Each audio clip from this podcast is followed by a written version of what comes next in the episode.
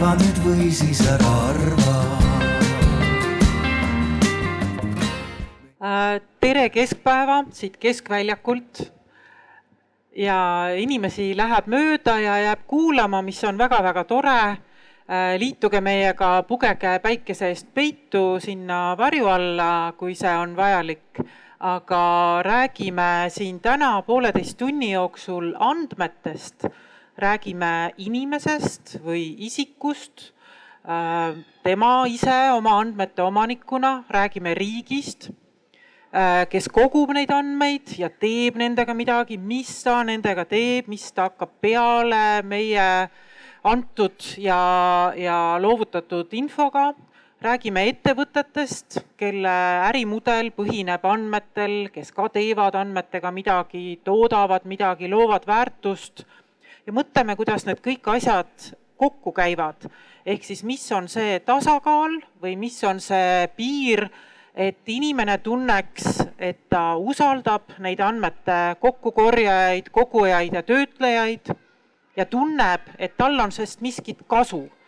ja teiselt poolt äh, ühiskond äh, saab siis targemaks, paremaks või, või tunneb mingit äh, mõju sellise andmepõhise või andmetele tugineva tegevuse mõjul või selle kaudu ja tänan väga Statistikaametit, kes on selle arutelu kokku kutsunud ja, ja keda me peame ähm, ja on isegi nimetatud Eesti Vabariigis andmehalduse kompetentsikeskuseks.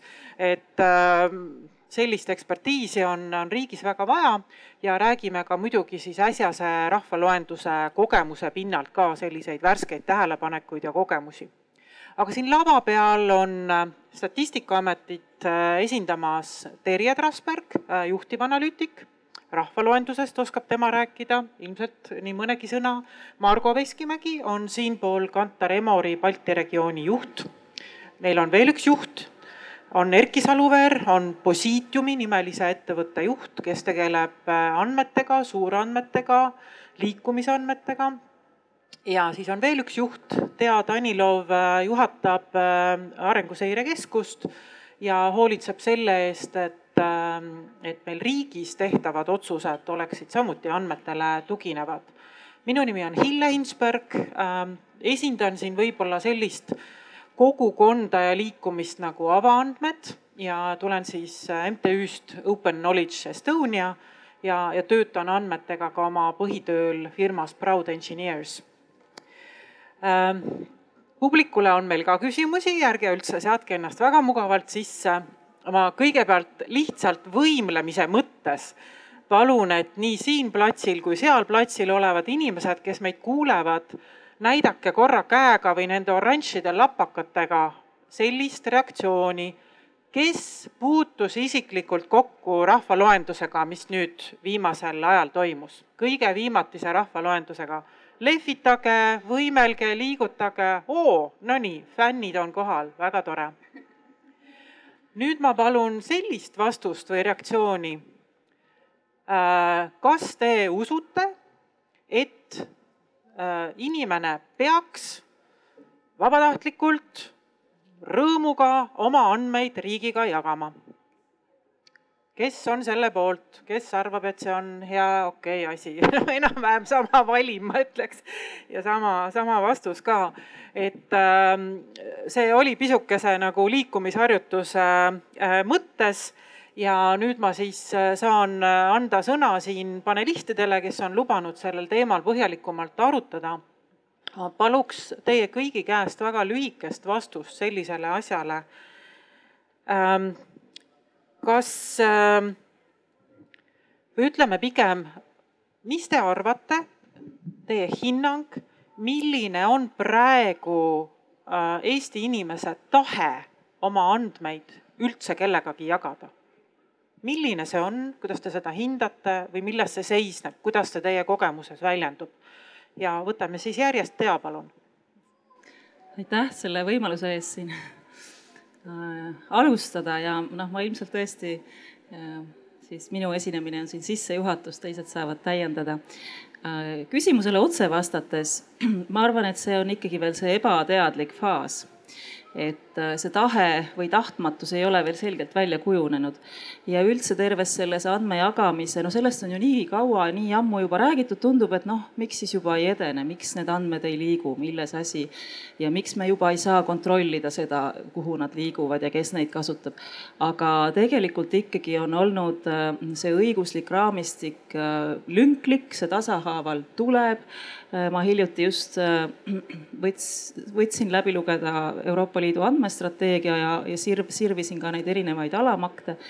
et äh, ja, ja tegelikult nii paljud asjad on veel puudu selleks, et, et, et saaks see turvaline ja inimese poolt usaldatav andmevahetus toimuda mm. -hmm. et mhm. seetõttu on võib-olla ka veel nagu noh, või viimase lause ütlen et äh, on ka vara veel tahta, et inimesed juba kõik julgelt jagaksid ja usaldaksid hästi, see on, see on väga hea, mõned märksõnad siit, kui te märkasite, tulid kohe esile, on keskkond ehk nii-öelda õiguslik ruum või, või kellegi teise poolt loodud eeldused ja võimalused, et ma usun, et me räägime sellel teemal ka.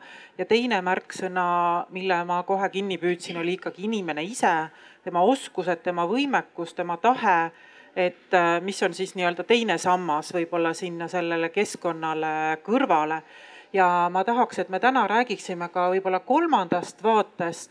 see on tegelikult äh, andmekogumise ja võib-olla andmemajanduse selline noh, siis ütleme töö või, või, või protsess või andmekogumine ja jagamine kui teenus, et mida nii Erki kui, kui Margo siin loomulikult esindavad ja riigi poolt samamoodi äh, Statistikaamet. aga Erki äh,, hinnang, milline on praegune seis, milline on äh, keskmise inimese tahe või, või valmisolek?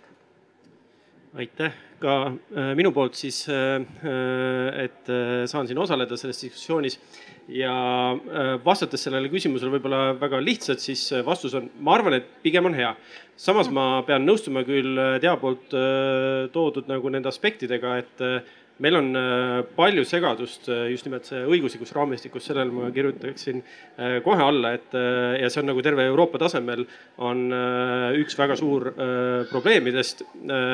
ja, ja teine asi, ma arvan, et mis on minu jaoks nagu üllatuslikult kaua aega võtnud, et, et seesama hea küsimus, et miks juba ei kasutata, et on see, et ikkagi see inimesteni see info jõudmine et milliseid andmeid üldse kogutakse, mida nendega annab teha, et see on mhm. hästi pikk protsess, et tegelikult et kui küsida, et, et kas nad teavad nagu, mida nende kohta kogutakse ja, ja mida nende andmetega saaks teha. et see vastus on, et mitte nii hästi, et see on nagu võib-olla üks asi, mida annaks siin kindlasti parandada aja jooksul mm. -hmm. aitäh, Erki ja, ja tõesti, kui me ise praegu mõtleme, et kas ma tean, mis, mida kõike minu andmetega tehakse sellele ma praegu ei palu teil kuidagi reageerida, sest ma arvan, et see on täpselt selline nii ja naa või noh, kuidagi ma nagu hooman, aga ikkagi väga selget vastust sellele ma ei, ma ei usu, et saab realistlikult äh, küsida või, või öelda. aga Margole annaksin sõna. jah, siin tere kõigile, et äh, vahet tuleks teha ka sellest, mis andmetest me räägime, me räägime noh, nii-öelda abstraktselt andmetest ja ja kui me räägime näiteks küsitlustele vastamisele, siis selgelt nagu ikkagi pigem kui aastal tuhat üheksasada üheksakümmend kaks, ütleme, kolmkümmend aastat tagasi inimesed soovisid väga rõõmsalt ja kõik ja, ja, ja, ja pigem miks mind ei küsitleta, siis eh, hetkel selles mõttes ei ole seis eh, mitte noh, nii-öelda ütleks, ei saaks öelda, et halb, pigem ta on nagu vähenenud see soov ja ma arvan ikkagi ka võrreldes siin Euroopa ja maailma keskmisega Eesti elanik äh, pigem vastab paremini ja, ja rõõmsamalt. ja loomulikult kogu selle taustaks on ikkagi ka selline, no ütleks, äh, ma ei oleks nii pessimistlik, ma arvan, see andmekasutus ja andmekultuur on Eestis ikkagi väga kõrge. Eestis on minu arvates väga unikaalselt just ka see ID-kaardi loogika, tähendab seda, et me põhimõtteliselt ei pea vaidlema selle üle, kas meid võib kitsekesi kõiki kokku lugeda või meid ei või lugeda. me oleme sellega leppinud. Äh, baasinfo on olemas ka riigil.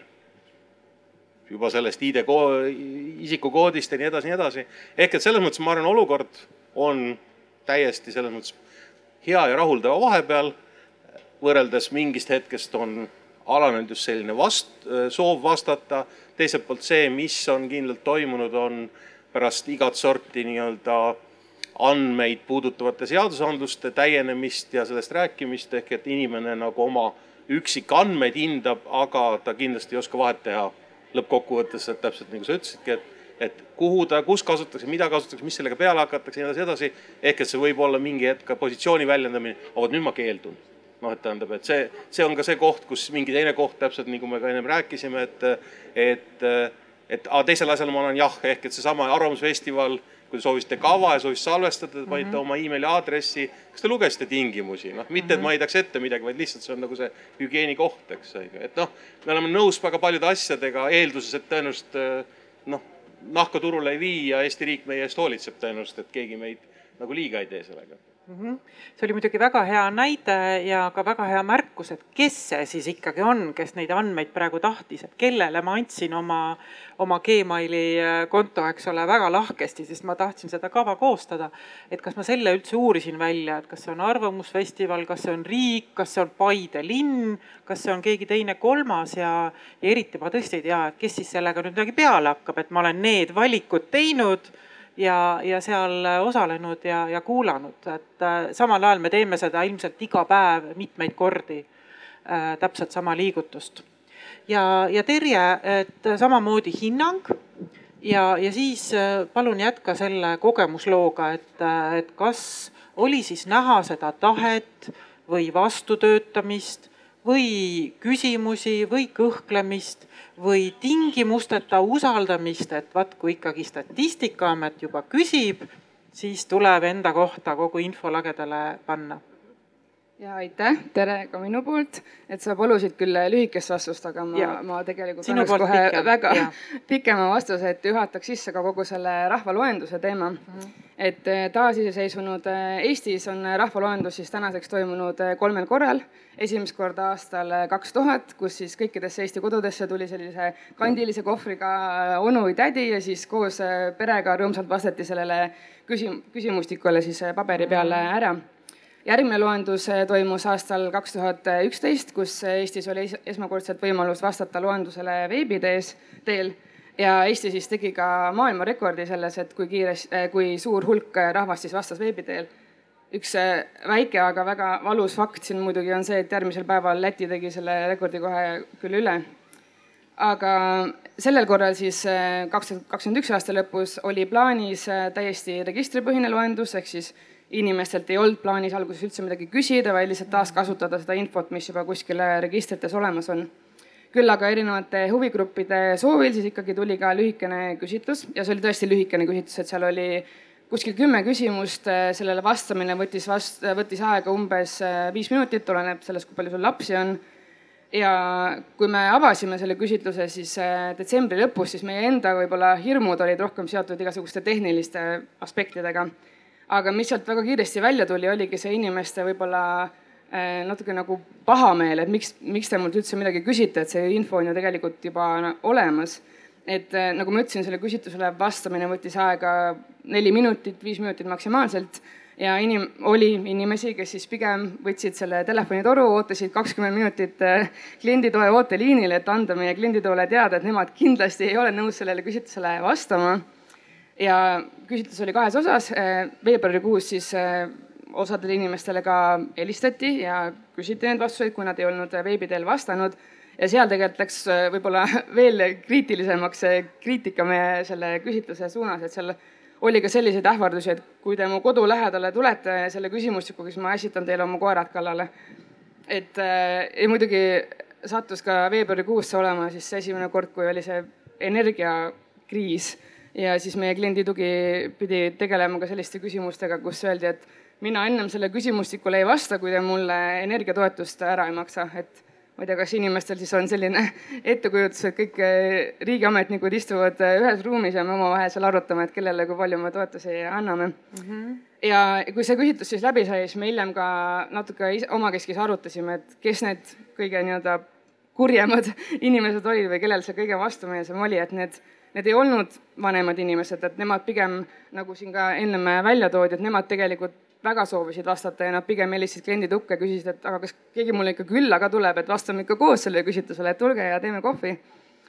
et need, kes siis olid need kõige tõrksamad, olid pigem võib-olla selline keskealisemad ja pigem meesterahvad ja siis me hakkasimegi sealt arutama seda, et need, need inimesed on ju tegelikult väga aktiivsed infoühiskonna liikmed ka, et neil arvatavasti on olemas mingisugune kliendikaart, telefon täis erinevaid äppe, mis meie kohta infot küsivad, noh, sotsiaalmeedia ja nii edasi et selle, seda nagu ei panda pahaks, et neid andmeid kogutakse, aga kui riik küsib sult, et milliseid võõrkeeli sa oskad, siis see kuidagi tekitab neis väga suurt äh, pahameelt.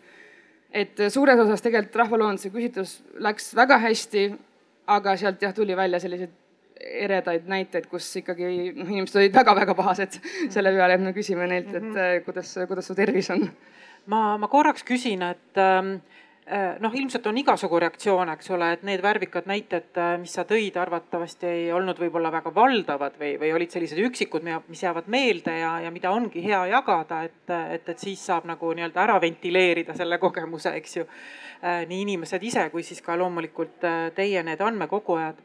aga kuidas te, kuidas sa ütleksid või kuidas te ütleksite inimestele, et, et miks see oli vajalik, mis kasu saab inimene sellest, et ta oma andmed annab?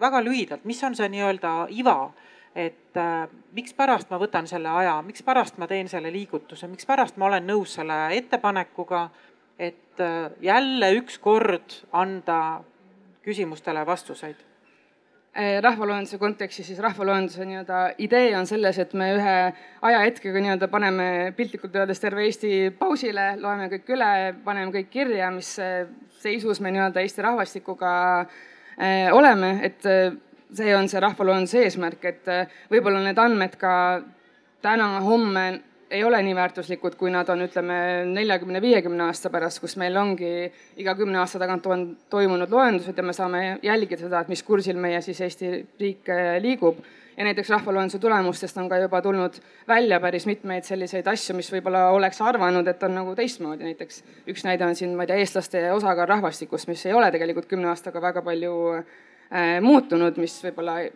tundub äh, linnapilti vaadates, et võiks olla nagu teistmoodi. Et rahvaloenduse idee ongi siis või võib-olla siis tavainimesele, nii-öelda siis inimesele tänavalt, tema lihtsalt silmaringi laiendada ja saada paremini aru, kes me siin oleme ja millised me siin Eestis äh, oleme mm. -hmm väga hea, äh, annan kohe sõna, aga mulle tundub, et siin oleks ikkagi mingit sellist vinti oleks veel vaja. et kui minule öeldakse, et äh, Hille, et nüüd tule ja veedame need viis minutit või viisteist minutit küsimustikuga selleks, et neljakümne aasta pärast saaks meie ühiskonna kohta mingit infot. ma ei ole väga vaimustatud.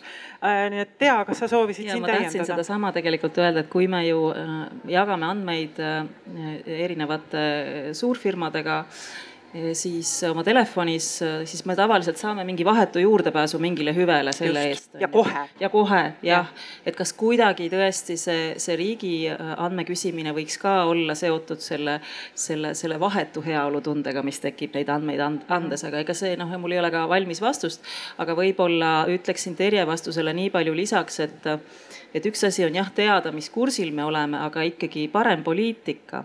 et kuidagi äh, noh, mina ilmselt sõnastan seda keeruliselt, seda tuleks lihvida suupärasemaks. aga et kui me teame, mis Eestis toimub, äh, siis kes me oleme, millised me oleme, siis on tulemuseks paremad avalikud teenused, seda me ju tahame mm. -hmm. ja seda tahavad ilmselt ka inimesed, sest see põhjus, miks ma kohe annan mingisuguse kliki või, või või äh, aktsepteerin mingi küpsise või, või annan oma andmed, on see, et äh, ma tõesti tahan, et oleks isikustatud see teenus, äh, mis mulle pakutakse digikanalites ja, ja mis mulle muutub siis kättesaadavaks kuidas teie kommenteerite, Erki, et ettevõte ju küsib ka samal eesmärgil seda infot, et teha midagi paremini, anda mingi teenus, saada mingi ülevaade võtta mingi jupp andmed, panna need teistega kokku ja teha hoopis midagi kolmandat ja et võib-olla siis äh, üks erinevus ongi siin, et äh, millest me siiani nagu oleme rääkinud, on siis see andmekogumismeetod, kus on läbi küsitluse. Äh, kogutakse andmeid, et see on väga selge interaktiivne, kus inimene saab aru, et ta nüüd annab ja see on nagu üks meetod. aga siis tegelikult võib-olla, millest ka see paneel siia kokku kutsutud on see, et, et tegelikult täna juba koguneb palju rohkem andmeid äh, siis sellise nii-öelda sen-, sensoorika põhjal või et, et me äh, tegelikult kogunevad andmed mingitesse kogudesse ja nende pealt on siis võimalik teha tegelikult neid samu järeldusi, mida ka küsitluste pealt tehakse, aga lihtsalt seda ongi võimalik kohe teha ja palju lihtsalt suuremas ulatuses kui, kui küsitlustega too mõni näide sellest sensoorikast, et kui mina praegu võtan oma isiklikku pudeli, siis sellest ei juhtu mitte midagi, eks ole, kuigi te kõik näete, et see juhtus ja see on fakt ja seda saab ka käsitleda andmetena, aga mis oleks mingi lihtne? kui tohib, ma teen asja veel raskemaks. Terje tõi hea näite, et mis keeli inimesed räägivad, et ja. kuidas seda sensoorika abil teada saada ja äh, ma võib-olla kõigepealt enne toon siis näite, et äh, kus siis äh, minu ettevõte toimetab, et siis on see ka selge, et, et selles mõttes meil kõigil on siin mobiiltelefonid. üks väga selge siis küsimus on, et kui palju inimesi praegu siin Paide Arvamusfestivalil on. et sellele küsimusele vastust saada, üks võimalus on siis panna kõik need vabatahtlikud seal loendama jah, käe, mulle ei antudki näiteks, ma ei tea, kuidas mul õnnestus siia sisse pääseda ilma käepaelata. sa ei olegi ära loetud. aga ma ei olegi ära loetud, täpselt. Äh, et selles mõttes äh, see on ka hea näide, aga, aga mobiile me üldiselt ei jäta maha. ja see on nagu väga hea võimalus nagu koguda andmeid ja mitte ainult nagu siis selle peale, et palju siin külastajaid on, vaid ka kui kaua nad siin on ja ja, ja siis mis nad veel nagu Eestis teevad ja selles mõttes väga paljudele küsimustele on võimalik siis sellest mobiiltelefoni suurandmetest nagu vastata Äh, ja, ja see on sensorandmed, mobiiltelefon on sensor, äh, kuivõrd need on ka nüüd nutikad telefonid, siis nad loomulikult teevad siin äh, veel palju rohkem. et siin neid sensoreid on väga-väga palju, et ühes telefonis on üle kolmekümne sensori kindlasti nagu, mis kogu aeg mõõdavad nagu erinevaid aspekte. Ja tegelikult logivad neid maha nagu erinevatesse äppidesse või ka sellesse operatsioonisüsteemi või siis tegelikult jah, sellesse mobiiltelefoni äh, siis omajasse nii-öelda, kes seda platvormi omab. et äh, info kogu aeg koguneb ja nüüd küsimus konkreetne oli, et kuidas siis keeli äh, meil on võib-olla siis ka, et kuivõrd Positium on Tartu Ülikooli spin-off, siis hea näide on sellest, et siis ülikooli poole pealt tehakse meil ka uuringuid, siis näiteks üks uuringute meetoditest ongi segregatsiooniuuringud ja seal on siis tegelikult on võimalik siis ka ühendada need liikuvusandmed ja keel nagu täpselt selle mobiilkasutusega, sest äh, kui inimesed suhtlevad mobiilioperaatoriga, siis nad valivad nii-öelda vaikekeeleks äh, selle keele, mis on siis nendele nagu põhimõtteliselt emakeel, eks ju, mis on nendele kõige mugavam. ja, ja kui mobiilioperaator seda pakub, siis tegelikult mobiilioperaator teab väga hästi nagu, millised on keeled. lihtsalt üks näide, kindlasti neid äh, noh, neid näiteid, kus me defineerime kogu aeg oma keelt läbi erinevate äppide, neid on väga palju mm. -hmm. ja palun. ma lihtsalt ütleks, et keele saab palju lihtsamalt, ei oleks olnud vaja isegi seda rahvaloenduse küsitlust, sest küsimus ongi selles, et kui sa tahad neid väikseid nii-öelda murrakuid, murdeid ja kõike seda mm, -hmm. siis see, mis praegu nagu tehti lisaks, see, kus ta oli kaks tuhat kümme tehtud, kus igaüks oli, ütles ja siis oli see täpsus nagu noh, oma pluss-miinus oli märgatavalt väiksem, siis ma arvan, selleks, et teada saada, kas Eestis on umbes kakskümmend protsenti soome keele oskajaid ja viisteist piisab küsitlusest viissada inimest ja meil on see vastus käes. ehk et noh, selles mõttes selleks ei ole mingit sensoorikat ega midagi, sest ka kui ta valib näiteks mobiiltelefonis, ta valib ühe suhtluskeele. ma ka oskan tegelikult nii eesti, vene kui inglise keelt, mis, aga ega ma oma mobiiloperaatorile ei ütle. ja see, et ma näiteks kasutan veebilehti, mis on X, Y, Z keeles, noh, selles mõttes noh, see on omaette teema, eks on ju, et kas ma oskan seda keelt või see on hoopis autotranslate või noh, nii edasi, nii edasi ehk et noh, jälle küsimus, mis on vaja, eks see, et teada saada, palju on Eestis tšehhi keele oskajaid, siis noh, tõenäoliselt ei saa tõenäoliselt ühegi hea meetodiga seda kätte väga selgelt, aga suurusjärgu me saame kätte, neid on vähe noh mm -hmm., ja siis me otsime neid vähe ühest koma kolmest miljonist. ja, ja siis sa otsid nad, neid hoopis teistmoodi. ja siis nad võivad olla puudutatud, sest nad küsivad, aga kust te teate, kuidas näiteks riik või ettevõte teab, et mina olen just see tšehhi keele rääkija või oskaja või. aga võib-olla on ta just kõrvust tõstetud ka võimalik. et noh, näed, ma olen leitud, eks on ju mhm. väga hea, et te tõite jutu selle nii-öelda protsessi või, või meetodite juurde, eks ole, te räägite erinevatest meetoditest, mida kõik ju me, teie kasutate ja üldse kasutatakse. kui me räägime sellest tahtest või valmisolekust või minu poolest ka usaldusest oma andmeid kellegagi jagada, siis kui suurt rolli te üldse näete sellel nagu asjakohasel meetodil? Ja teine pool, kas tuleks see meetod või see viis, kuidas need andmed kokku tulevad ja mis nendega tehakse, teha läbipaistvaks, jagada seda infot, kuidas te need andmed kokku panete, kust registritest te neid võtate, mismoodi nende küsitlustega tagatakse nii-öelda kvaliteet? ja Margo. ma nagu ütleks, astuks sammu tagasi, tegelikult ka seesama, mis rahval on, see on nagu probleem ja noh, me püüdsime siis sõnastada ka, et miks peaks andma, on ikkagi see, et mida täpsem on eesmärk, eks seesama, aktsepteerin selle äpi, mitte see, et ma saan kohe midagi, vaid noh, ma saan nagu noh, mingi konkreetne asi on, konkreetne tegevus Äh, rahvaloendusel on noh, nagu seesama, kui me ütleme seda nelikümmend, viiskümmend aastat, siis on tibapikk, nõus, selles mõttes ja noh, nagu väga selgelt nagu lihtsalt, et tore on teada, ei ole enam argumenti inimese jaoks nagu. Aga kui sa ütled, et, et noh, selleks, et parendada X, Y, Z, noh näiteks liikumisuuringutes, kui pöördutakse näiteks kolmesaja mobiiliomaniku poole, kes oleks nõus sulle väga detailselt nõus noh, vastama küsitlusele ja andma infot ja öeldakse, et tänu sellele saab Paide, Tallinna või Tartu liik noh, näiteks bussiliiklus paremaks ja kes on bussikasutajad, siis, siis see on tõenäoliselt, millega inimene on pigem nõus. ta teab, milleks, konkreetne aeg, aga mitte see, et ma olen abstraktselt nagu igaveseks ajaks igavesti omama kõik mobiiliandmed, sest noh, ka teie tegelikult ei saa kasutada kõiki andmeid kõigilt, vaid seal on väga suured piirangud peal, eks on ju. ehk et tunne on küll, et neid andureid on palju, aga selleks, et seda andurit kätte saada, noh, sa pead nagu tegelikult vaeva nägema et inimene peab nõustuma sellega. nii, vaevanägemisest räägib nüüd Statistikaamet, jah et äh, see küsimus, et äh, millise metoodika, mis andmeid koguda annab, äh, väga hea võimaluse seletada ära see kuri sõna, millest me hästi palju räägime, et registripõhine loendus, mis ja. see siis täpselt tähendab. et nagu ma ütlesin, algselt oligi siis plaanis ainult registripõhine loendus, ehk siis me taaskasutame infot, mida juba riigi poolt on mingisugusesse registrisse kasutatud või sisestatud ja miks siis tekkis vajadus selle küsimustiku järgi, oligi sellepärast, et on mingid andmed, mida ei ole seal registrites, näiteks enesehinnangulised küsimused, need ei saa mitte kunagi kuskil registrites olemas, et kuidas su tervis on, kas su tervis piirab su töötamist ja nii edasi, et jah, kui need andmed on olemas, muidugi registripõhine, ärme, ärme kiusa inimesi selle küsitlusega, aga kui neid andmeid ei ole seal, meil on Eestis peale Rahvaloenduse ja Statistikaametis veel igasuguseid uuringuid, mis koosnevadki suures osas äh, siis enesehinnangulistest küsimustest ja neid ei anna mitte kuidagimoodi ühegi sensori ega äpiga koguda, et neid tulebki inimestelt endalt äh, küsida.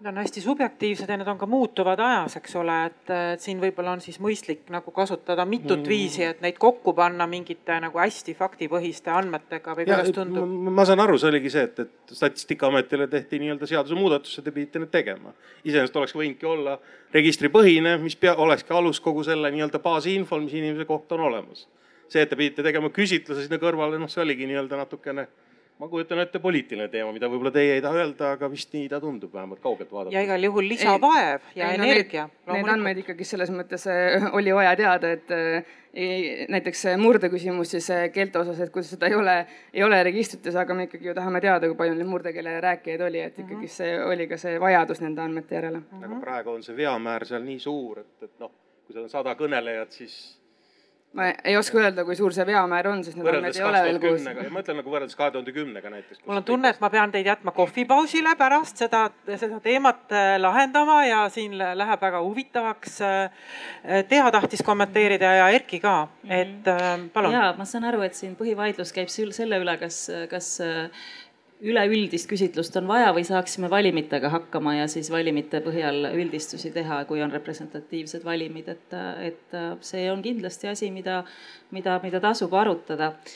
mis tuleb nüüd selle, ütleme, see registripõhine küsitlus. Mm, üks ju suuri ivasid selles on, et, et inimene ka ütleme, me ei ole veel sinna jõudnud, et inimene üldse teaks ja harjuks üle vaatama, mis andmed tema kohta erinevates Nõus. andmekogudes ja registrites on. Tea, ma katkestan sind ja publikule palun andke märku, kes on viimase poole aasta jooksul käinud kuskil riigiregistris ja oma andmed üle vaadanud. poole aasta jooksul kuulge, te olete ikka väga aktiivsed. väga tubli väga, väga tublid ja, ja, ja äge mm. -hmm. ja ühesõnaga mm, just, et et mm -hmm. mulle tundub, et kui me räägime sellest, et kas see registripõhine loendus, kas meil noh, aeg on küps seda teha, no me juba tegime, selles mõttes juba oli küps mm. -hmm. aga mulle tundub ikkagi, et, et see on täitsa ikkagi veel pioneerlik värk, äh, mis on muidugi väga Eestile omane, et me teemegi selliseid pioneeri asju, ees, eesmineja projekte. aga et see, see natukene võtab aega, see inimeste see andmeteadlikkus ja mina kui oma andmete omanik ja, ja ma teen ka võib-olla noh mingi perioodilisusega mingi inventuuri, et mis andmed ja kui õiged need on ja mida ja muidugi mitte ainult, et mis, kui õiged, vaid et kuidas neid kasutatakse, et kes neid, kes neid näiteks vaatab või kasutab või mis eesmärgil, isegi kui need on, on ju volitatud riigiametid, noh, ma ikkagi, et tekiks selline andmeteadlikkus ja arusaam sellest, et, et mida minu kohta riigi käes on ja noh, tegelikult tuleks sealt edasi minna ka, et mida minu kohta erasektori käes on, on ju. aga noh, riigist on lihtsam arutada, alustada ja, ja et selline mm, omanditunne ja, ja võib-olla noh, niisugune harjumus teha inventuuri ja sellisel juhul ma ütleks, et see registripõhine rahvaloendus on palju tugevamatel jalgadel, kui ta täna on. Mm. -hmm väga hea, no meetodite pealt me läksime sujuvalt üle, panime vastutuse ikkagi inimesele, et tema peaks olema teadlik ja käima registris ja, ja olema parem omanik oma andmete suhtes, äh, mis tuleb meile ka Euroopa Liidu regulatsioonide kaudu, ta annab meile selle õiguse, see lühend GDPR ja, ja praegu tulevad andmeruumi regulatsioonid, mis teevadki puust ja punaseks meile ka tehnilised võimalused tegelikult käia neid andmeid igalt poolt kontrollimas ja andmas nõusolekut või seda ära võtta, et kas ikkagi võib kasutada või mitte. ma lisan ühe ja. kiire, ühe kiire mõtte, et see tundub nagu jube koormav, et Jeesus, et mul on niigi ju. ma peaks käima kogu aeg kontrollimas. ju tohutu ja. hulk kohustusi ja nüüd veel, eks ole, see ka, aga tegelikult ütleme, äh, mis on äh, tulemas, mille kohta on ju Euroopa Komisjonis andmehalduse määrus ja, ja kindlasti ka mingi mingi ports mingeid muid need niinimetatud andmemaaklerid või andmevahendajad, et tegelikult äh, seda inventuuri teenust hakatakse meile pakkuma. et palun äh, vaata üle, siin on need, me, me, sinu andmed on, me hoiustame neid. me hoiustame neid, see muidugi noh, küsimus on, kas noh, kas see saab olema tasuline teenus, ma seda veel täna ei tea, on ju. aga et, et, et, et, et mm, okei okay,, võib-olla hoiustamine on vale sõna, et eks nad ikka on eraldi andmekogudes, aga põhimõtteliselt sellist nagu, et mida minu kohta kusagil on keegi äh, noh, otsib need asjad välja ja siis minu asi on siis lihtsalt äh, nii-öelda lugeda seda aruannet või vaadata seda nimistut või noh, mul võib-olla on piiratud ettekujutus sellest asjast, aga ma saan aru, et sellised andmemaaklerid, andmehaldus äh, Euroopa andmeturule tekivad, et seda Euroopa Komisjon soovib näha ja see on üks eeldus ka, et inimesed saaks seda omaniku rolli paremini võtta mm. -hmm. nüüd, eks ole, meie oleme oma andmete omanikud, mitte riik ei, eks, et teie nagu haldate, valdate, töötlete, teete analüütikat, sama teeb ettevõte, kes läheb kas registritest neid samu andmeid otsima, loodab rahvaloenduse peale või võtab äh, kuskilt muud moodi need andmed. et mida, mida sa, Erki, ütleksid, et kas sellist protsessi peaks tegema inimestele arusaadavamaks? ja kuidas? et äh, siin äh selles mõttes oli õige märkus, et äh, eesmärgipärasus on äh, hästi oluline kõikide andmete kasutamise juures. ma arvan, et äh, selles mõttes on kuidagi praegu nagu see tasakaal nihkunud paigast ära selles võtmes, et et seda eesmärgipärasust väga nii-öelda väga jäigalt nõutakse riigi käest, kui riik nagu tegeleb nende andmete kogumisega ja erafirmadel lastakse nagu veidi sujuvamalt seda Äh, mõjutada, mis tähendab äh, Eesti vaates näiteks nagu seda, et äh, väga paljud meie andmed liiguvad mitte üldse Euroopa Liiduga jurisdiktsioonis, nad on hoopis väljaspool ja me tegelikult noh, selles mõttes kui me vaatame nüüd globaalset vaadet, siis nendel ettevõtetel on suur nagu eelis siis teha teadmispõhisemaid otsuseid, näiteks kui meie riik ise nagu. ja, ja selles mõttes me anname vaikselt nagu kogu aeg seda äh, Äh, eelist nagu käest ära ja minu vaatest näiteks see on probleem. ehk et äh, ma tegelikult äh, Eesti vaates ka sooviksin, et, et ühtepidi, et siin küll me räägime, et peaks rohkem omama kontrolli ja see, see natuke kõlab nagu, et rohkem piirama. et rohkem kinni keerama nagu seda võimalust, et, et kus riik saaks nagu kasutada. tegelikult peaksime vaatama seda vastupidi, et et see on meie kõigi edu nagu aluseks, kui riik omab nagu paremat ülevaadet, saab teha paremaid otsuseid tal on rohkem andmeid, mille pealt nagu targemaid otsuseid teha. Versus, et äh, need andmed on tegelikult kellegi teise käes, kes need otsused siis meie eest teeb ja noh, nemad ka kontrollivad siis seda otsust.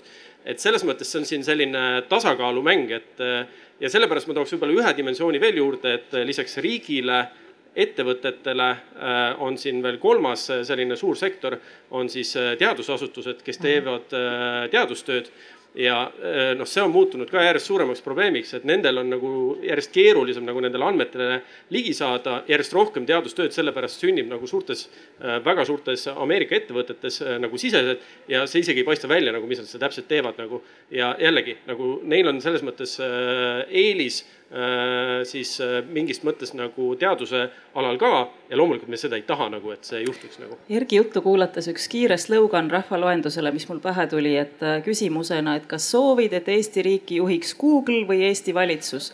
vasta rahvaloenduse küsitlusele. jah või ei ja seda saaks muidugi teha publiku küsitlusena, aga te olete nii ettenähtavad, et ma jätan selle praegu küsimata. aga nüüd ongi küsimus, et mi, kus see tasakaalupunkt on piirangud, mulle tundub, et Erki sõnum oli, on kellelegi nagu karmimad kui kellelegi teisele. et see on ebavõrdne olukord, et keegi peab tohutult võimlema, kas ta on akadeemilisest maailmast või ettevõtlusmaailmast. et neid piiranguid kuidagi ületada või nendele vastata või, või teha nagu asju nagu, nagu peab. ja teised need nii-öelda pahad, eks ole, need Godzillad ja Mozillad, kelle nimi on Google ja Apple ja, ja Facebook ja ja võib-olla Amazon, et nemad jälle ei pea justkui, et, et kuidas seda tasakaalupunkti lahendada, kas me jätame selle üksikisiku peale, et tema peab olema see võitlusettur ja pioneer, kes siis enda jaoks need küsimused lahendab või, või kellele me selle rolli anname? Margo? jah, selle üksikisikule üks mõte nagu, mis, mis mul, me siin Hillega enne ettevalmistamist ka rääkisime korra. sul endal tekkis, on seesama ka, mis võib-olla oleks ka Statistikaametil teise sloganina olnud hea. on täpselt see, et äh, ja me ju arutamegi, kuidas riigiga jagada, Statistikaamet yeah. on üks selgelt see mm, nii-öelda väljund. Äh, on just see, et, et kui inimene mõtleb, et noh, ma oman oma andmeid, noh, mis oligi see, mis on ka nii-öelda Euroopa regulatsioonidega, siis noh, tuleks selles mõttes nagu seal noh, niisugune väike keeleline niisugune nüanss ehk et noh, nagu see, mida sa omad, on mingi tinglikult öeldes daatum ehk an-, eesti keeles ei olegi nagu andmed ainsuses. mis see on siis, anne ei ole. info. info, ei no ei ole andmed, see on juba omaette, see on, on bitid, bitid, eks on ju. eks see, mida sa omad, on daatum ja sellest muutub andmed tegelikult läbi selle, et ta on millegiga võrreldav, ta on millegiga seotud ta on kellegi suhtes referents, pluss veel mingi ajaline dimensioon seal. Ehk, ehk see on see väärtus, ehk inimese üksikud andmed ja nende kaitsmine, nende mitte kellelegi jagamine või, või Statistikaametil kolmkümmend minutit seal järjekorras olemine ja, ja riidlemine, et ma või noh, okei okay,, ütleme viisakalt riidlemine, et ma ei kavatse vastata. on nagu selles mõttes noh, näitabki, et see noh, sidusus selle koha pealt puudub. inimene arvab, et on maksimaalne, ma olen metsas, ma ei, ma ei jaga.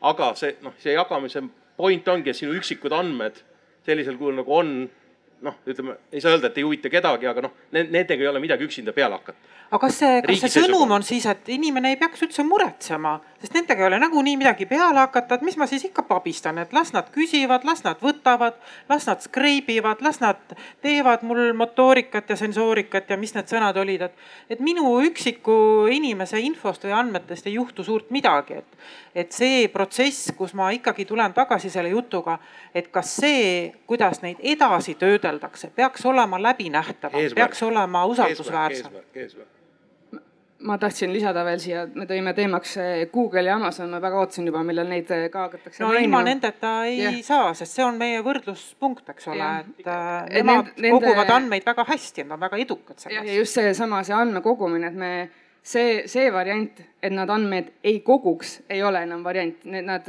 nad koguvad neid andmeid, meie äpid koguvad andmeid selleks, et pakkuda meile mingisuguseid teenuseid see, mille üle me siin täna arutame, on see, et kas need andmed, mis juba nagunii kogutakse ja istuvad seal kuskil serverites, kas need võiksid olla ka rohkem kättesaadavad näiteks äh, riigile statistika tegemiseks, erasektorile, teadlastele ja nii edasi. et see variant, et neid enam ei kogutaks, tegelikult põhimõtteliselt ei olegi enam laual, et muidugi noh, sellisel juhul, kui me kõik lepime kokku, et me ühtegi äppi enam ei kasuta ja lähme lauatelefonide peale tagasi.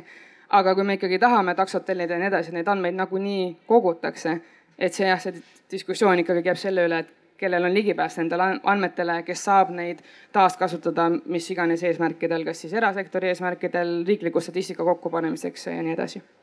aga kuidas siis, äh, ma saan aru, et ma praegu olen vist naiivne, aga kuidas siis saab riik ennast üldse nagu kehtestada võrreldes nende suurkorporatsioonidega, et mida te teete teistmoodi, mida te saate teha usaldusväärsemat, äh, inimesi rohkem nagu nii-öelda rõõmsana hoides, et nad ei riidleks. mismoodi te saate seda oma tegevust äh, siis nagu paremini planeerida? Tea tahab siin sõna võtta no see äh, lõplik vastus on ilmselt, et Euroopa Liidu kaudu, et sealt tuleb terve hulk erinevaid uusi no reegleid, mis annavad inimesele suurema kontrolli ja annavad, muudavad ka mugavamaks nende andmeinventuuride tegemise ja kõik, lihtsalt see võtab üksjagu aega, see, see masinavärk nagu keerleb aeglaselt, kusjuures tegelikult on ju ka Euroopa Komisjon äh, vähemalt noh, kavatsustena öelnud sedasama, et ka need, ka inimene peab saama kätte need andmed, mis erasektor tema kohta on kogunud ja, ja, ja ta peab saama neid nii-öelda kaasa võtta, võtta need sealt on ju kas ära või vähemalt siis, et anda ka teisele ettevõttele võimaluse äh, sedasama infot tema kohta teada mida see Amazon näiteks on juba kogunud. et, et aga lihtsalt see kõik võtab, võtab aega, see tuleb tasapisi. et mida nüüd noh, vahetult saab muidugi teha tõesti seda, et, et meil ikkagi seda rahvaloendust on vaja teha ja siis võib-olla tõesti neid selliseid just seda noh, vahetumat väärtust püüda inimesele silma ette manada, aga noh, ma usun tegelikult, et küllap sellega ka päris head tööd tehti.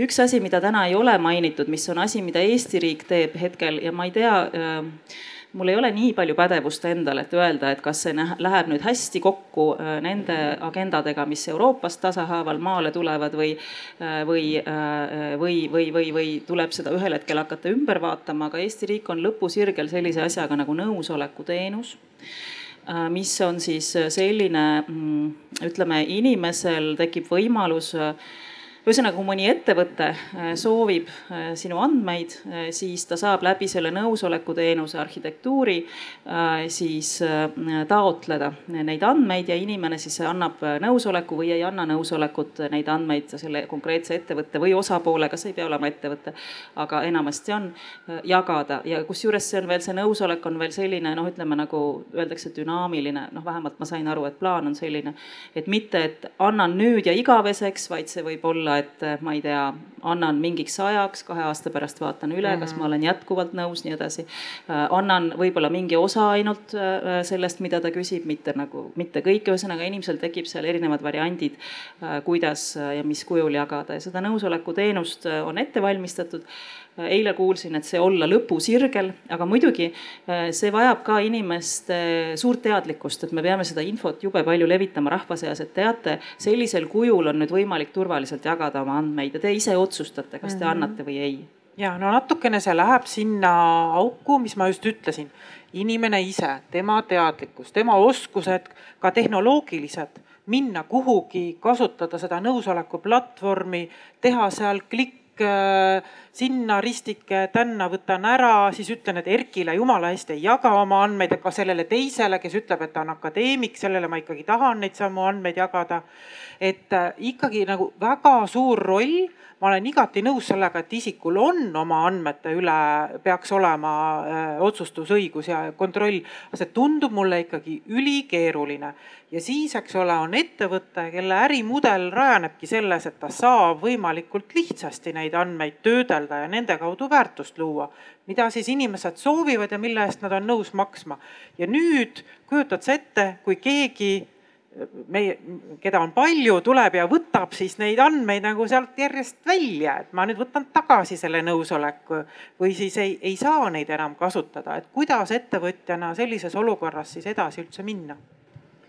ja võib-olla lihtsalt äh, kommentaarina selle kohta, et äh, neid nõusolekuteenuseid äh, siis on varemgi päris palju on tegelikult neid platvorme olemas, et, et mis siis juba täna koguvad kasutajate andmeid, sa saad installeerida vastavaid nagu programme enda telefoni ja siis vastata küsitlustele või lihtsalt neid sensorandmeid koguda ja siis ise valida nagu, millistesse uuringutesse sa andmeid annad. see on juba kestnud siin, äh, ma arvan, kümme aastat küll, äh, sellised Nende kõikide puuduseks on see, et kui me räägime nüüd statistika tootmisest ja selles mõttes Positium ka aitab nagu statistikat toota nagu riikidel. et siis on väga oluline valim ja kahjuks nende nõusoleku teenustega on see, et äh, sa ei saa kunagi seda valimit äh, korda, sellepärast et seal on ainult ühte tüüpi inimesed, kes lubavad siis oma andmeid kasutada. aga sinul on vaja nagu ühiskonnast äh, läbilõiget ja selles mõttes on see kuidagi äh, lihtsalt äh, see eeldaks seda, et kõik ühiskonnakihid saavad ühtemoodi nagu aru. ja mul, mul on tunne, et see on lihtsalt liiga suur eeldus. et sellepärast äh, vähemalt minu vaatest jah, et äh, siin ongi väga palju juttu sellest, et, äh, et isikutele panna seda vastutust, siis mulle tundub jällegi, et seesama, et et ikkagi nagu riigile anda mm. nagu suuremat äh, mõju selle üle, et otsustada nagu, mida me nende andmetega äh, võiksime teha Äh, ja, ja siis omada diskussiooni nagu äh, selles äh, vaates, et see on nagu pigem jätkusuutlikum tee, aga muidugi siin mm -hmm. võib vastu vaielda. nii ja nägin Tea kätt, nägin Margo kätt, meil on publikus riik ja riik palus sõna, Statistikaamet, palun sellele kommentaari. aga keegi peaks jooksma nüüd mikrofon käes siiapoole. ei, ei ole seal on internet. ja äh, me kogume selle väikse, väikse salvestusega, siin on see tehnika, me kogume üks. ikkagi see, neid andmeid ja edastame vastavatele asutustele. asutuste, okei okay,, no sellisel juhul on, on, on hästi oluline, ma tuvastan ise ära ennast, Urmet äh, nimi ja Statistikaameti juht hetkel. et äh, ma tahtsin korraks selle diskussiooni koha kokku võtta et see inimese vastutus ja riigi vastutus, jah, et riik, ma olen täpselt nii palju, et äh, seda statistikat tegemist praegu koordineerin. Äh, minu meelest see, mis on riigi poolt justkui võib-olla natukene mitte hästi tehtud praegu, on see, et äh, inimestele tuleks selgeks teha, et kui ütleme tavalises sellises demokraatlikus protsessis igalühel on õigus olla nagu nii loll, kui ta tahab. ja seda õigust peab kaitsma nagu igal võimalikul moel siis see, et olla ignorantne oma andmete osas, et tegelikult see ei ole noh, nagu valik. see on väga kahjulik igale inimesele ja sellest tuleb nagu aru saada suhteliselt, ma arvan, juba varakult. ja e, siin on võib-olla võtmesõna selline asi nagu andmekirjaoskus ja teadlikkus mis siis on nagu sellises laiemas tähenduses, mitte seda, et kas ma oskan ühte matemaatika ülesannet lahendada või, või tean statistikat. ja inimese enda poolt äh, loomulikult tuleb olla huvitatud sellest, mis minu andmetega toimub. ja äh, Eestis võib-olla on meil veel selline unikaalne hetk, kus ei ole nagu see pendel läinud sinnapoole, et me kuidagi totaalselt ei usalda riiki mm. -hmm. et me täna veel usaldame me usaldame, et riik teab, kuidas nagu keerulistest olukordadest välja tulla. ja noh, see andmeressursi hästi ärakasutamine, mis Eestis on kogunenud nüüd selle kolmekümne aastaga, on minu meelest selline potentsiaal, mille pealt me saaks teha kindla peale selle järgmise kiirenduse või noh, see asi, mida me oleme siin otsinud nagu vastuseks küsimusele, et see, mis meid siia on toonud, edasi ei vii.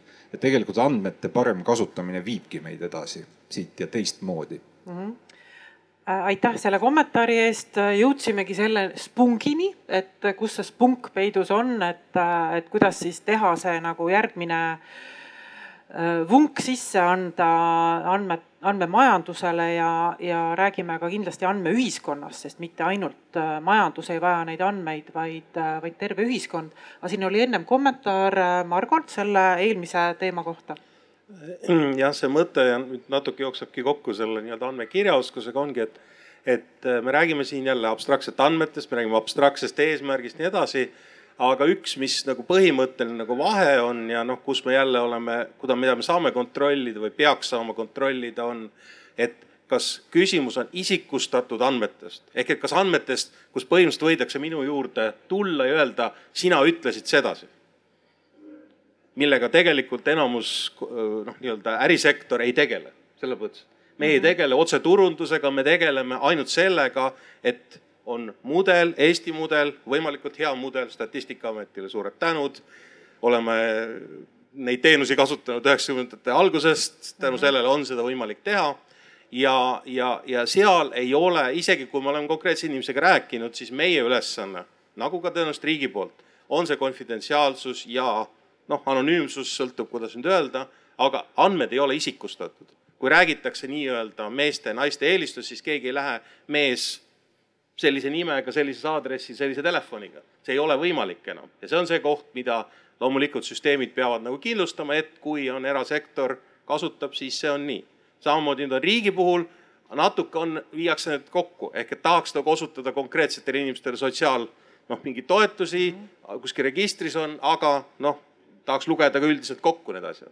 ehk et see isikustamine, ma arvan, kogu selles, ma ei tea, kuidas see Euroopa Liidu nii-öelda uuenevas direktiivis on seal, aga seal peaks kindlasti ka see aspekt sees olema, ehk et see isikustamise moment, ehk et ma lubaks andmeid kasutada, kui see on anonüümiseeritud või noh, minu andmed on, aga noh, see ei ole seotud minuga, küsimus, kes garanteerib, et kas see broker garanteerib selle või kus iganes, vot seda ma ei oska praegu öelda. ja ma kohe annan Teale sõna, aga seal on see isikustatud andmete edasijagamine sees, et see ongi see võib-olla see järgmine spinn või see spunk või vunk, millega me peame ka hakkama toime tulema, seal tõesti on see sees, et need andmeruumid ütlevad, et inimene saabki enda kohta kogutud ja teda väljendavad, tema tervist kirjeldavad andmeid ta saab jagada, ta saab anda õiguse neid, neid edasi kasutada, kellele ta valib.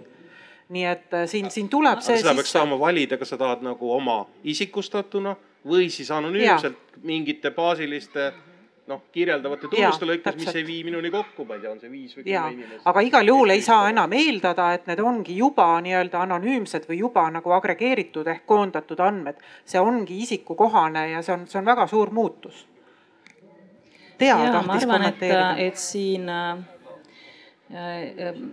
et selles, et kuidas noh, üks asi, mida saabki inimestele rohkem selgitada, on see, et kuidas neid andmeid, no mis on need erinevad viisid, kuidas seda andmejagamist saab muuta turvalisemaks mm. -hmm. ja seesama pseudonüümimine, anonüümimine on üks viis ja kui ma nüüd õieti mäletan, siis seesama Euroopa Komisjonist see algatus, et meil saavad olema andmeruumid, noh näiteks terviseandmeruum või energiaandmete ruum või veel midagi.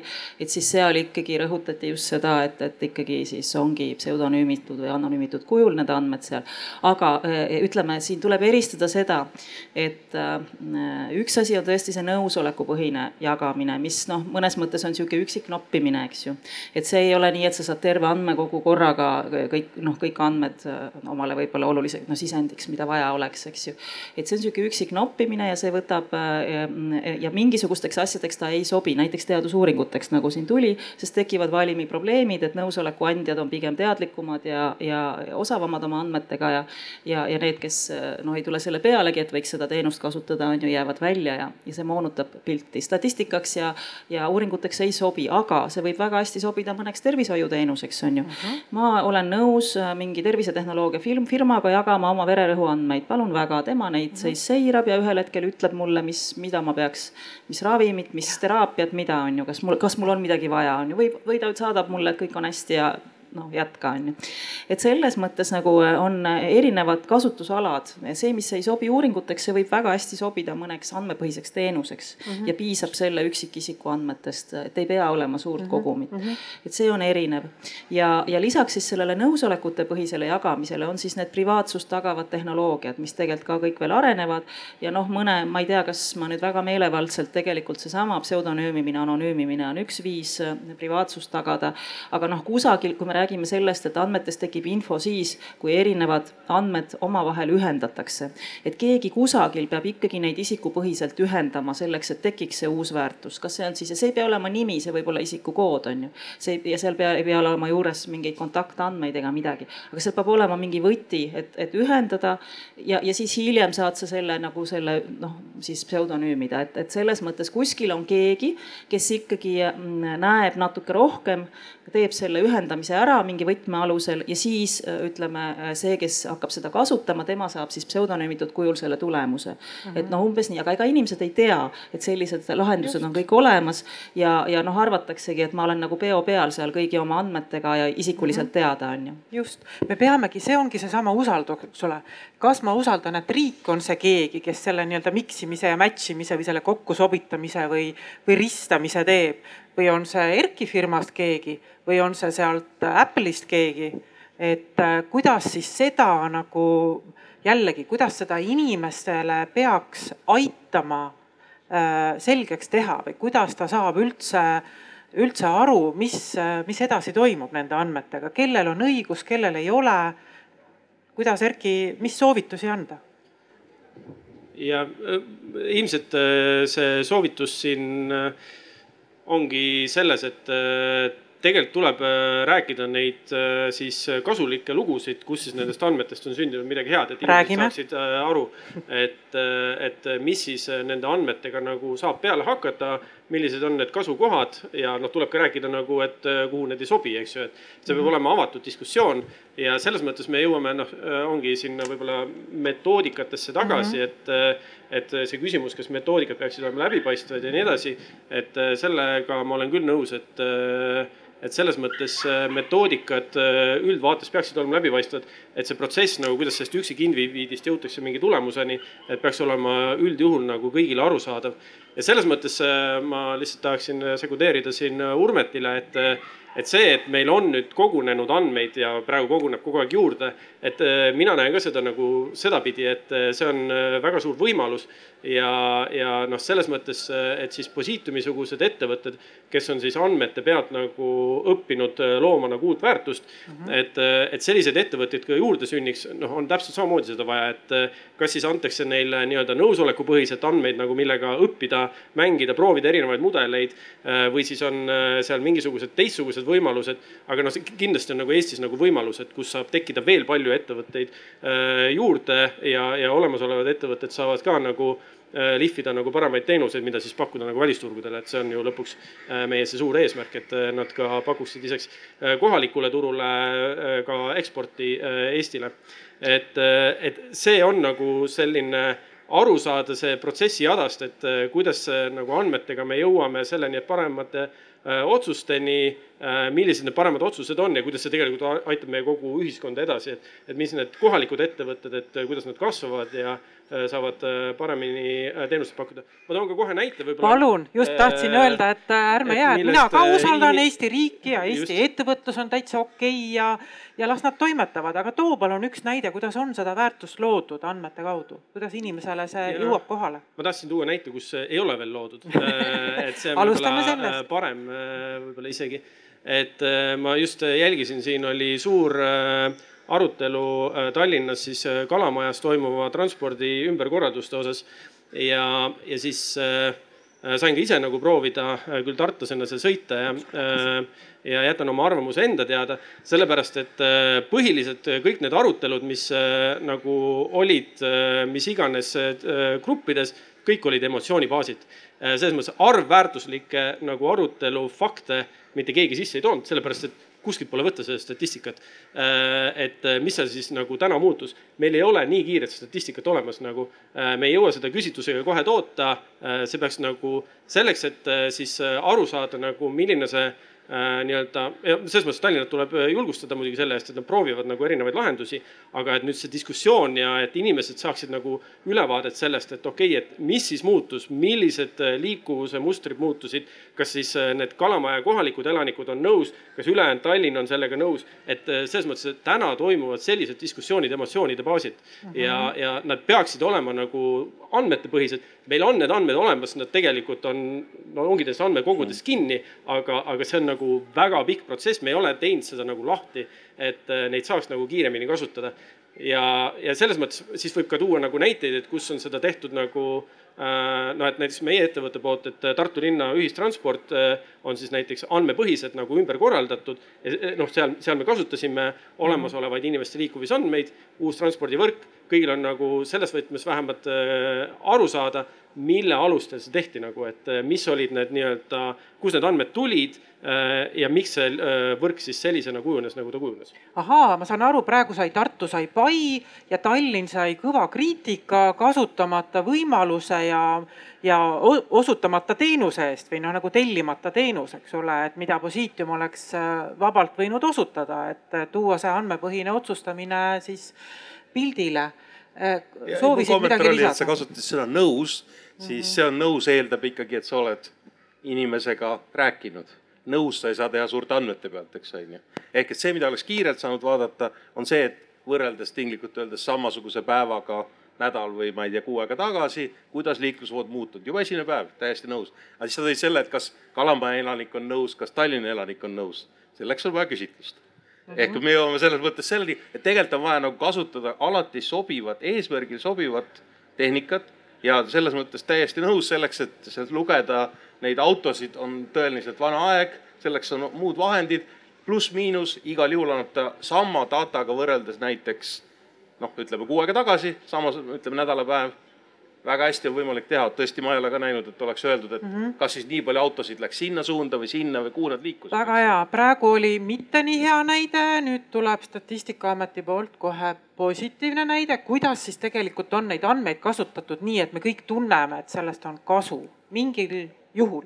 Ma tegelikult tahaksin alguses natuke kommenteerida neid igasuguseid teemasid, mis siit juba on läbi käinud just rahvaloenduse kontekstis, et siin me oleme jõudnud järeldusele, et inimesed võib-olla parema meelega annavad andmeid, kui nad teavad, kuidas neid kasutatakse.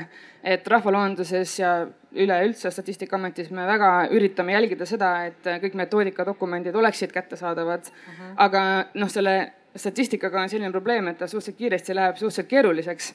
aga noh, võtan kaasa siit selle tagasiside, et see metoodika dokumente peab siis kohandama võib-olla vastavalt eh, publikule ja tegema erinevaid eh, versioone sellest, et oleks nii-öelda ka siis tavainimesele kui ka statistikutele aru saada, mida me nende andmetega tegime ja kuidas me neid äh, nii-öelda ristkasutasime mm. -hmm. ja siis äh, teine teema, mis siit ka läbi käis, oli see, et äh, andmetel on nii-öelda küljes need isiksustatud inimese nii-öelda identifitseerivad atribuudid.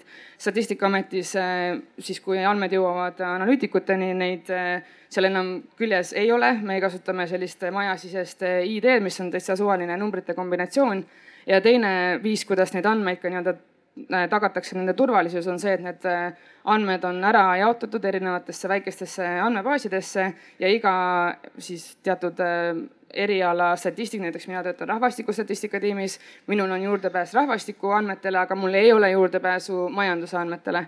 Ja seda ka jälgitakse, et täpselt see, mis siin ka enne välja toodi, et mul ei ole, kellelgi Statistikaametis ei ole võimalik linkida ühe inimese kohta kõiki andmeid kokku, et neid juurdepääse ei, ei ole olemas.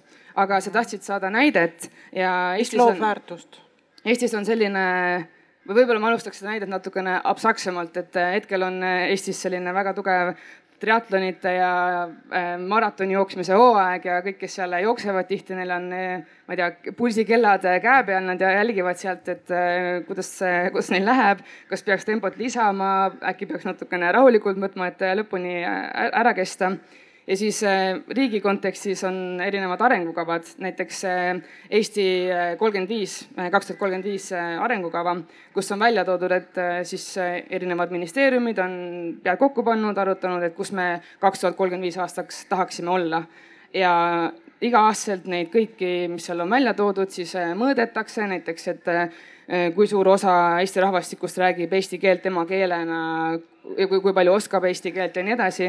Ja nende nende eesmärkide mõõtmiseks kasutatakse Statistikaameti andmeid, rahvastikuandmeid mm, -hmm. kohati ka rahvaloenduse andmeid, lihtsalt et nii-öelda siis piltlikult öeldes tulla tagasi selle esimese näite juurde, et hoida kätt pulsil, et kas me liigume õiges suunas, kas kuskil on natuke rohkem vaja panustada, kas mingid teemad nii-öelda laabuvad ja nii edasi, et äh, see on see üks väärtus nendele Statistikaameti ja loenduse andmetele, et äh, aitab nii-öelda kätt äh, pulsil hoida riigil. väga-väga tore näide, et äh, saame siis tuua võrdluse ja lisada brändingusse, Statistikaameti brändingusse, et teete Eesti ühiskonna pulsikella. et, äh, et saab niimoodi kraadida ja, ja mõõta, et kuidas me liigume. ma tooksin, ma vaatan kella ja tooksin meid selle diskussiooni juurde, et me oleme siin rääkinud äh, võib-olla mingeid, mingeid termineid ka, mis ei ole veel nii tuntud ja levinud ja nüüd ma toon veel ühe sisse, see on andmeühiskond.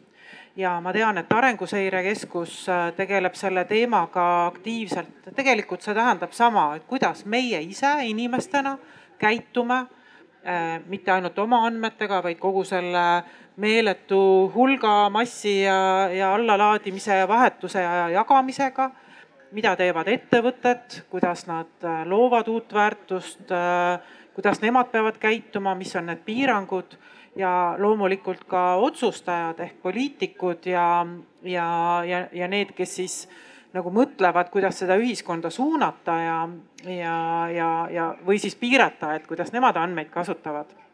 et toome selle, selle vaate siis näiteks äh, isiku, ettevõtte ja ka poliitiku kingadest, et ähm, Tea, palun alusta, et mida see andmestunud, andmeühiskond siis äh, tähendab näiteks poliitiku jaoks, kes on teie tööde peamised tellijad?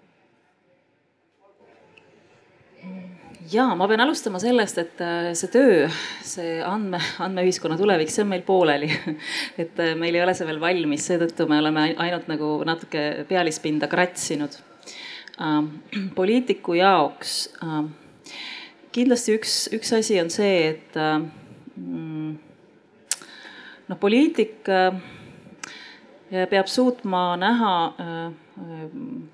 oma noh, ütleme Eesti elanike kasu ja ka muidugi Eesti majanduse kasu sellest, neid võimalusi, mida, mida andmed pakuvad. ja muidugi ka riske ja peab suutma näha ka neid riske, võimalusi ja riske ja no kui ma alustan maailma tasandist, siis ilmselt siin on nii teadlik publik, et aga ma ikkagi ütlen, et tegelikult on ju see suur selline kolmevõitlus käimas, kus ähm, Ühendriikides äh, noh, pigem on E-, eraettevõtetel väga tugev positsioon, andmekaitse ei ole seal nii tähtsal kohal põhiõigusena nagu Euroopa Liidus. inimesed äh, ütleme andmejagamisse suhtutakse palju kergekäelisemalt, kuigi see on muutumas. ma ütlen kohe siia juurde ära, et tegelikult äh, president Biden on parasjagu kongressi saatmas sellist asja nagu privacy bill, mis äh, ühte ja teist on Euroopast noppinud, mitte palju, aga midagi, midagi seal on nagu ka föderaalne siis andmekaitse positsioon on tekkinud tekkimas USA-s, praegu on see siiamaani olnud see nagu osariikide pädevuses. ja Californias see on olemas ja, ja, ja küllalt vist isegi noh, pigem, pigem keskmine, ma tugev ei ütleks, aga pigem keskmine. aga et siis see föderaalne hakkab pakkuma sellist põrandat. aga see selleks, ühesõnaga, et see arusaam on selline, et noh, et Ameerikas kuuluvad andmed eraettevõtetele ja Euroopas kuuluvad inimesele, me ei ole muidugi veel sinna päris jõudnud, kuidas see siis välja näeb, et kuidas see inimene siis ikkagi kontrollib, kas see on suur töö või keegi aitab teda, see andmemaakler näiteks. et, et Euroopas on siis see põhimõte, et inimese omand ja siis on ju kusagil need autoritaarsed riigid ees, eeskätt Hiina, kus äh, andmed kuuluvad ju äh, hoopis riigile ja riik sisuliselt äh, nende abil kontrollib inimesi ja hoiab ühiskonnas stabiilsust mm. -hmm. et ütleme nii, et ütleme selles suures kolmeheitluses mulle tundub, et või lootusrikas vaade on, et Ühendriigid ja Euroopa Äh, noh, lähevad rohkem ühte paati, kui nad seni on olnud, aga suur küsimus on selles autoritaarses plokis mm, ja selles, et äh, seal ei ole ju noh, ainult need andmekasutuspraktikad, seal on ju ka terve hulk äh, tehnoloogiaid ja sellist nagu innovatsiooni edu, mis seondub näiteks, ma ei tea, näotuvastusega või kus, kus just need siis näiteks Hiina tehnoloogiad on väga arenenud ja, ja, ja eks küsimus on, et mil määral see, see, need nii, nii see suht suhtumine kui ka need tehnoloogiad, mis aitavad seda suhtumist levitada, mil määral need äh, maailmas levivad. Et see on kindlasti asi, mida poliitik võiks nagu, milles võiks orienteeruda, et nagu see riskide võimaluste tajuda, aga mina ja... kuulsin siit ka seda sõnumit, mis teeb mind natukene ärevaks. Et, äh, et see andmeühiskond sõltub nagu natukene sellest poliitikast või sellest isegi sellest nagu ühiskonnatüübist, eks ole. Et, et siin on pisukene risk sees, et, et kuidas neid andmeid kasutatakse, see on poliitiline otsus.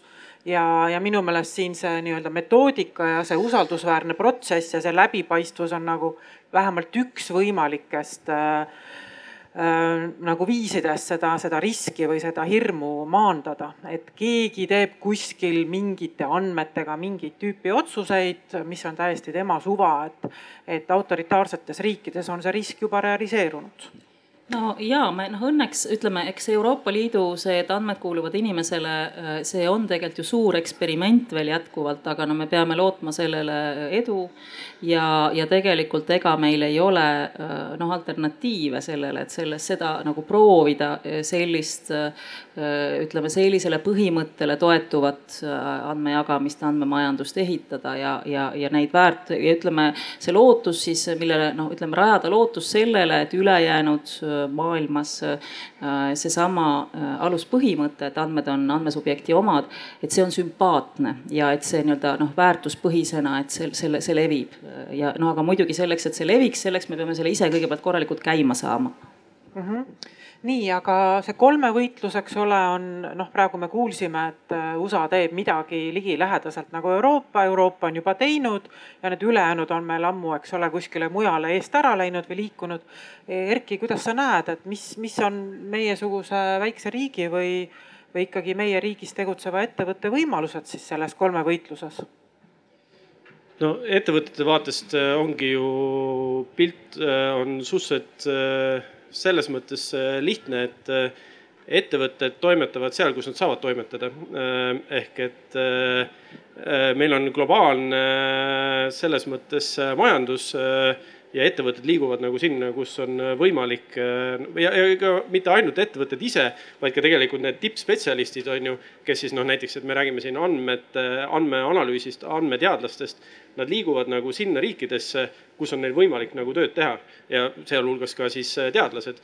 et selles mõttes, mida rohkem on võimalust avastada, luua uut Äh, seda parem see on. ehk et äh, selles mõttes see tasakaal, seesama, et äh, sa pead looma nagu võimalused, et kaitsta loomulikult nagu üksikisiku privaatsust selles mõttes, et tema eraelu puutumatust. et see on nagu noh, ei, ei kuulu kahtluse alla, aga sa ei tohi nagu sinna vinti üle keerata, et eh, nagu kinni keerata, et see on selline tohutu tasakaalu otsimine, eh, mis käib kogu aeg. ma arvan, et Euroopa eh, praegu teeb nagu head tööd. lihtsalt murekohaks siin on võib-olla see, et ta teeb veidi aeglaselt. selles mõttes ettevõtted loomulikult veel on siin Euroopas, sest nad, noh, siin on nagu teadust lihtsam teha ja, ja, ja selles mõttes areneda. aga küll aga noh, see muster on selline, et et kui me siiamaani oleme kogu aeg kartnud peamiselt siis, mis USA-s toimub, siis noh, tegelikult ongi nüüd need pilgud pöörduvad Hiina poole. just lugesin fakti, et äh, kümme maailma suurimat äh, meediaettevõtet,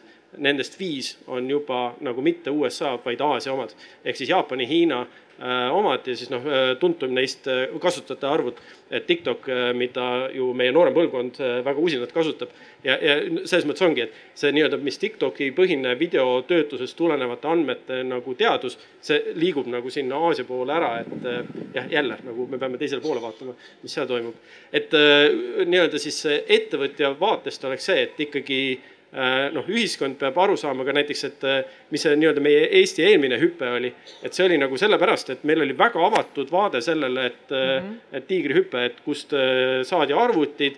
inimesed õppisid nii-öelda siis nende arvutitega mingeid asju tegema ja noh, meil on praegu kõik see IT nii-öelda buum, mis meil on, et see on tegelikult selle nii-öelda tulem, eks ju nüüd on küsimus, et mis selle andmetepõhise asjaga saab, nagu Urmet juba õigesti sõnastas, eks neis.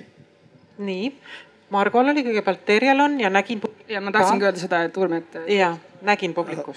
jah, et, et see, et äh, Aasiat ei tasu panna ühte patta ehk et äh, Jaapan ja Lõuna-Korea pigem on siis ikkagi nagu selles nii-öelda frondis, kuhu siis Euroopa, USA lähevad ja seal nagu see äh, ütleme ka see USA seis, et, et on eri, eri firmad, see tähendabki seda, et, et noh, mingit pidi jälle ei ole seda koondumist, noh, indiviidid on veel rohkem nagu sellist ütleks nagu andmedemokraatia mm -hmm. nagu definitsioon võiks olla selle ühiskonna. no veel baasis. uus termin ja, ja veel uus ja, termin. ütleme selles mõttes mm -hmm. siis jätaks Hiina Rahvavabariigi sealt nagu totaalselt kõrvale mm, -hmm. et selles nii-öelda andmeühiskond ei saa olla andmede totalitaarsus, vaid see peab olema andmedemokraatia, mitte autoritaarsus, eks ole äh,. nii et ma jätaks nagu selles mõttes yeah. selle nii-öelda selle frondi võib-olla mitte kolmeks, vaid pigem nagu kaheks, sest see, see, see USA, Euroopa on võimalik nagu kokkulepetega ühendada, sest see on ikkagi nagu, nagu seaduste ja, ja, ja, ja ikkagi nagu noh, seadustepõhiselt nii-öelda kokkulepitav, aga, aga noh, see, mis seal teisel pool on, mis autoritaarne ja, ja, ja selles, see on, see on omaette teema nii andmedemokraatlik andmeühiskond tuli siin praegu, no see nõuab veel kõvasti aega, ärge lootkegi, et me selle ülejäänud minutitega siin selle ära päriselt äh, nagu määratleme. aga Terje, kas siis on piirangud, on see nii-öelda point või on vabadus? Ma tegelikult tahtsin sõna anda Urmetile, aga, aga ma tahtsin eh, sissejuhatuseks öelda seda, et eh, kui Erki rääkis siin, et erafirmad, kui neile nii-öelda ei sobi see olukord, siis nad liiguvad ära. meil Eesti Statistikaametina ei ole võimalust ei ole Eestist ära liikuda ja. ja siit ma annangi sõna meie peadirektorile, kes võtab sõna järje üle. ja peadirektor, kas rohkem demokraatiat või rohkem piiranguid? kas on kuulda? ei ole. ei, ei ole. aga nüüd võib-olla natuke. nüüd võib-olla on natukene, et äh, äh ma tahtsin öelda, see jõujoonte jälgimine on õudselt oluline. aga eh, natukene sihukest õhinat eh, süstida. see, ma arvan, meie jaoks praegu on selline suhteliselt unikaalne võimalus, et kõik asjad ei ole veel kokku lepitud. aga meil Eestis jällegi, ma tulen sinna, et meil on palju andmeid. meil on põhimõtteliselt ikkagi e-riik on olemas me peame ühi-, noh, nii-öelda selle ühiskonna, needsamad inimesed, keda me enne proovisime siin nagu veenda kuidagi, et uh, uskuge, et riik teeb teie andmetega häid asju uh,. saama pardale ja siis selle riigi jälle omakorda nii-öelda ühte jalga astuma. et uh, nii-öelda väike sisevaade võib-olla, et mis see riik siis teeb selles olukorras, mida Tea kirjeldas, mis nagu ümber globaalselt juhtub, siis tegelikult me täna veel ei astu ühte sammu ja ma pean silmas registreid äh, Äh, kõikvõimalikke andmehaldust korraldavaid asutusi, meie ka. me kõik nagu otsime ja kompame seda kohta, et mida selle väärtusliku kraamiga nimega andmed siis teha. ja äh, siin tuleks jällegi hästi ruttu nüüd oma, kuidas nüüd öelda, väed üles rivistada ja teha siis see lahinguplaan, et mida me Eestis teeme. ja, ja teha see andmevara nii-öelda riigi jaoks ja inimeste jaoks kasulikuks ja ettevõtete jaoks ka samamoodi nii et eh, see on väljakutse. väga hea avang, räägime lahinguplaani läbi. mis on teie soovitused, head panelistid, mis selles lahinguplaanis peaks sisaldama ettevõtte jaoks, inimese jaoks, riigiameti jaoks, võib-olla andmekoguja jaoks? Kes alustab plaaniga? ma alustan ühe repliigiga, see ei ole kindlasti terve plaan Äh, me natukene oleme nüüd kombanud oma selle andmevabaduse, andmeühiskonna heal lapsel mitu nime töö raames. ja üks põhjus, miks need andmed mm, vähem liiguvad, kui nad võib-olla võiks on see, et need andmekogude, ütleme siis needsamad andmete väljastamise eest vastutavad inimesed on sageli jäetud väga üksi ja neile on pandud suur vastutus, kas siis nii-öelda anda seda välja või mitte anda, kui mingi päring või, või ja vajadus, ütleme keegi, keegi soovib äh, mingeid andmeid, et ja, ja siis enamasti minnakse seda kõige kindlamat teed, et kui, kui andmesubjekti nõusolekut ei ole või, või nõusolekuid mitmuses, et, et, et siis siis, et siis ei saa anda. tegelikult äh, avaliku teabe seadus näeb ette veel hulga aluseid, äh, millisel juhul tohib äh, andmeid väljastada. ja, ja aga see eeldab riskide hindamist, et see andmekogu vastutav ametnik peab siis suutma neid riske hinnata, mis võivad selle andmejagamisega kaasneda ja, ja need metod, metoodikad äh, ei pruugi olla lõpuni selged, inimestel ei pruugi olla aega ja kas see, kuivõrd üldse ka töötasu vastab sellele, et neid riskihindamisi kogu aeg tehakse. ja seetõttu nagu see vastutus, mis on selle ametniku peal, et kas neid andmeid nüüd siis välja anda või mitte, et, et see on päris suur ja ta on sellega üksi tihtipeale, mitte alati, aga tihtipeale ja äh, jah, ja see siis ja, ja see oluliselt äh, ja siis tulevadki need kergekäelised keeldumised, et ei, me ei saa anda neid andmeid, et. Äh, ja vahel öeldakse ka, et ressursipuudusest, et näiteks päringu maht on nii suur, et, et äh, me ei, noh, meil ei ole ressurssi sellega tegeleda, et kuigi põhimõtteliselt õiguslik alus oleks neid andmeid jagada olemas ja mhm. et neid, neid muresid on igasuguseid kui sa selle ümber keerad, siis mis on nii-öelda sellele murele lahendus, kas on rohkem ametnikke, teadlikumad ametnikud, rohkem raha, et need ametnikud ja, saaksid oma tööd teha. ametniku vastutust kuidagi vähendada, tegelikult hea uudis on see, et kui ta selle riski hindamise ära teeb ja saab tulemuseks, et okei okay,, võib jagada, siis isegi kui see hinnang osutub hiljem ekslikuks, siis tegelikult ta ei vastuta, sest et ta on korrektselt metodoloogiliselt hinnanud. isegi noh, ütleme, kui pärast selgub, et noh, oli mingi probleem, aga kui see riski hindamine on tehtud, siis tema ei vastuta, aga ka see teadlikkus ei ole väga hästi levinud, on ju. kuidagimoodi tuleb nendele ametnik, nendele, need ei ole alati noh, enamasti ikka ametnikud, me riigi andmekogudest räägime. et äh, ne, jah, mingit tuge, tugiisikuid, seljatagust äh,, muidugi koolitust äh,, kõrgemat palka ja umbes nii väga hea, me teeme lahinguplaani või teekaarti või, või koostame soovitusi põhimõtteliselt, kuidas hakkama saada andmeühiskonnas.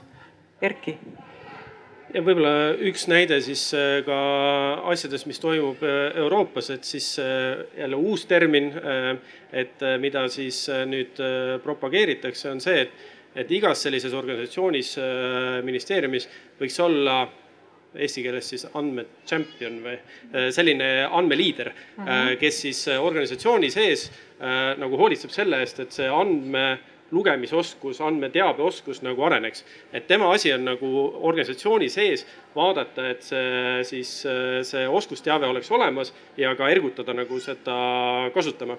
et organisatsioonid võiksid otsida, määrata äh, enda sisesed äh, neid äh, selliseid andmechampione ja ma arvan, et see on nagu selles mõttes üks oluline asi, sest mille vastu meie ka nagu tihti põrkame, et, et me tõesti näeme nagu andmetel on väga suurt potentsiaali, noh, et kui me räägime nendest äh, mobiilsuse andmetest aga, aga tõesti see andmete kasutuse oskus tihti nagu jääb vajaka.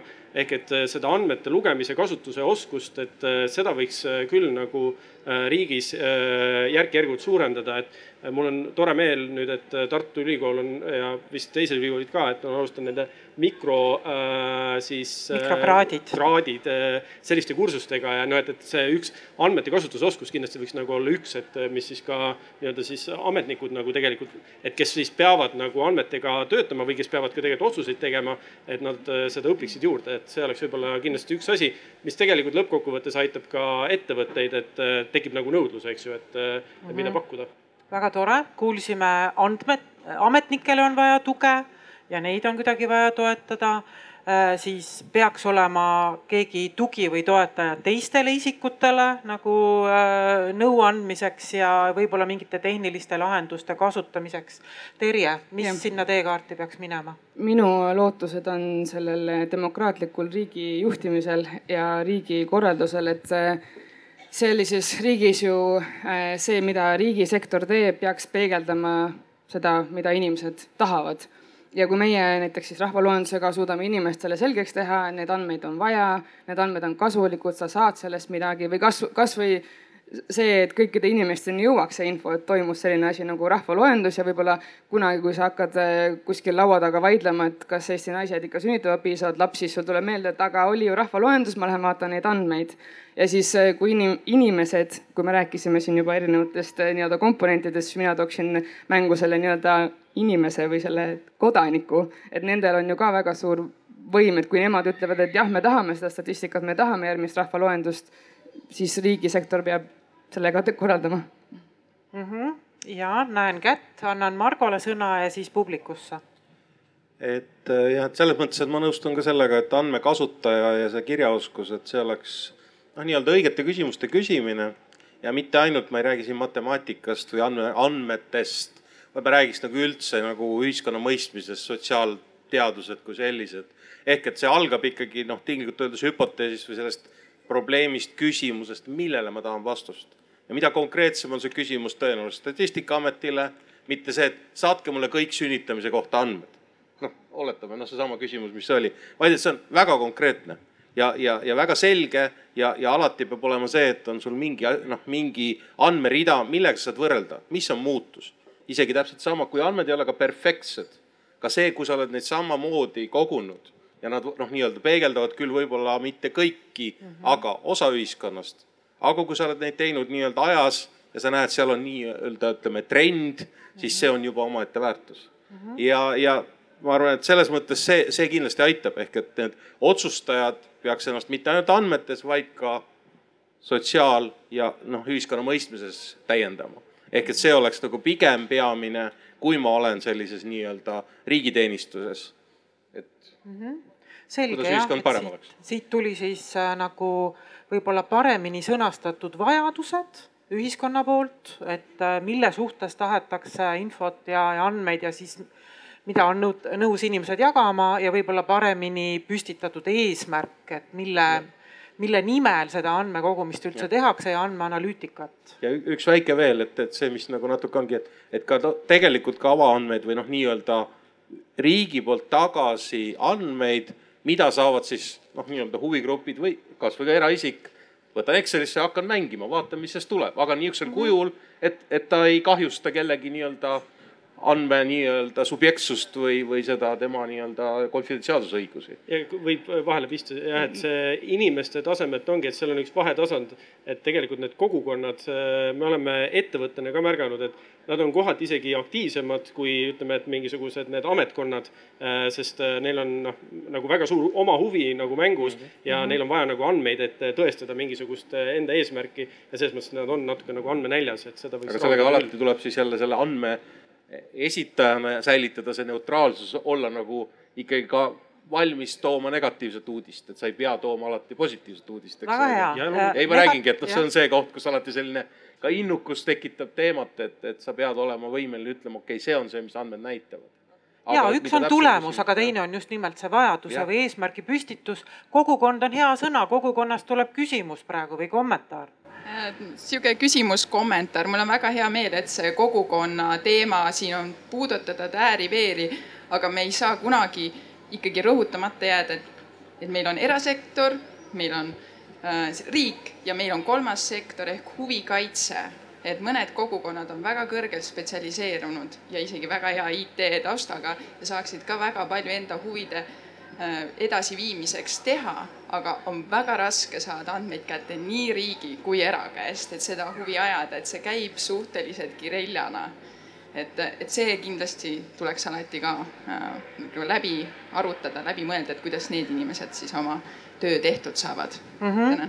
ja me kuulsime ennem äh, ühte terminit, mida Tea ütles, andmemaaklerid või vahendajad, et tõesti, kui tekivadki organisatsioonid, kes võtavad enda peale, et suheldes ühe, teise ja kolmanda sektoriga, nad saavad nendele vajadustele võib-olla leida lahendusi ja, ja nii-öelda eesmärgile vastavalt siis teha juurdepääsu ja anda need andmed taaskasutusse selles ja. Äh, Euroopa Liidu andmehaldusmääruses, mis mingil kujul eksisteerib, mida ei ole küll veel vastu võetud, on seesama andmevahendaja või andmemaakleri nagu idee sees ja, ja noh, ütleme, reguleeritakse ära see positsioon turul, et mis mhm. nõuetele ta peab vastama ja et ta peab olema sõltumatu, ta samal ajal ei tohi mingit andmeteenust pakkuda ja nii edasi väga lühidad lõpukommentaarid kõikidelt panelistidelt ja teile ka kusjuures äh, iseenda Äh, kingadest mõtlemiseks, et mida siis see üks inimene, mis, mis on tema nii-öelda äh, väljapääs või tema lahendus kõiges selles orienteerumiseks, mis me praegu rääkisime,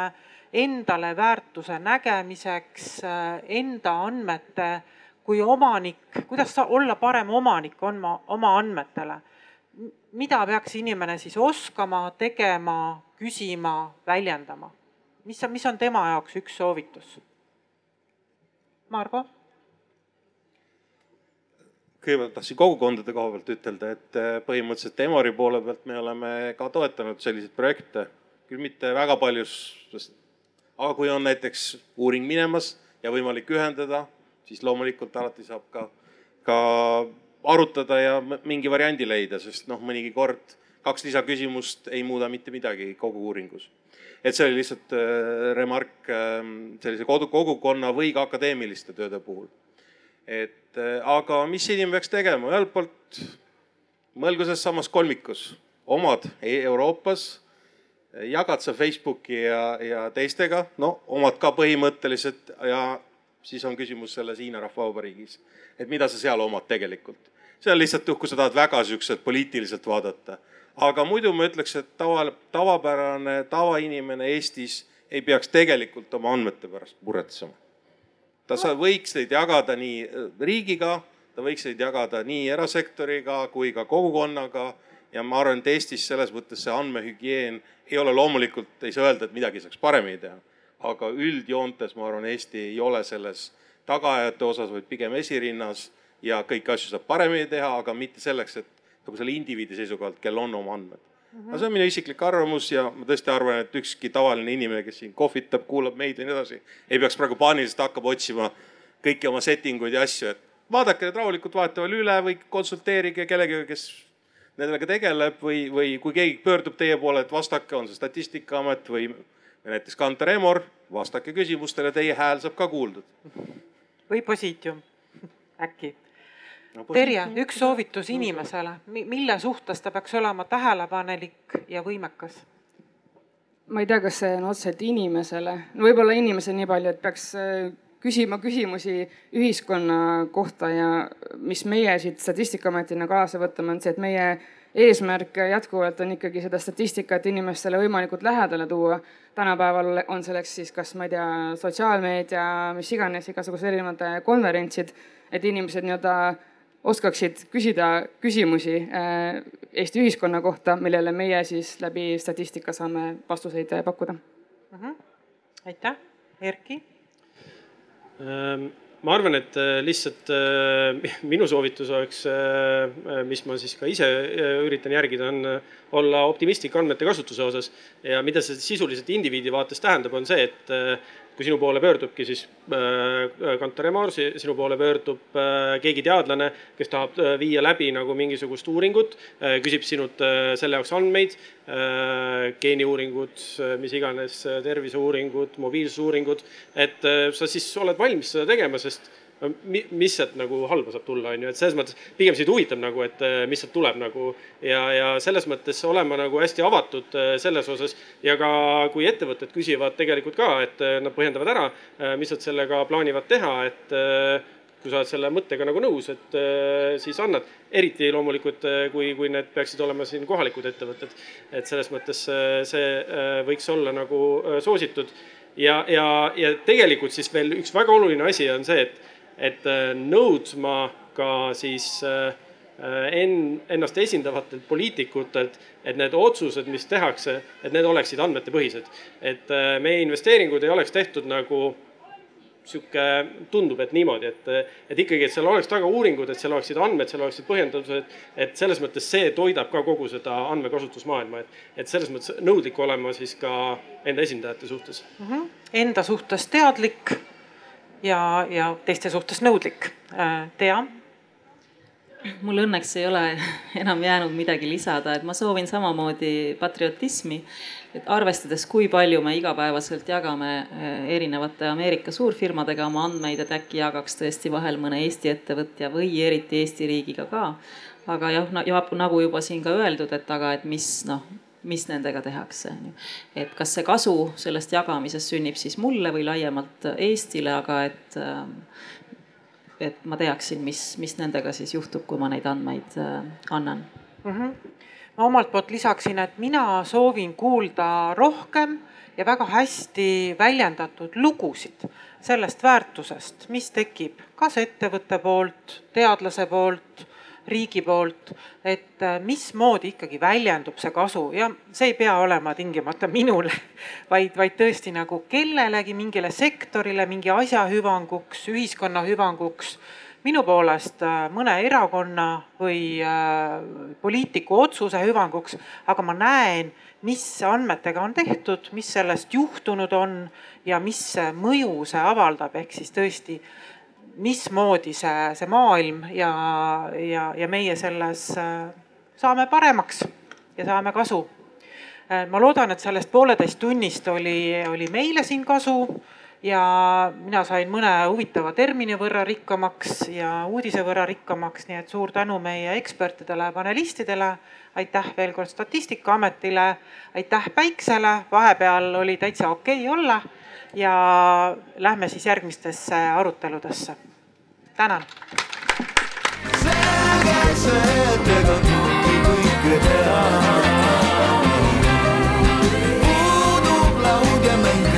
Simebel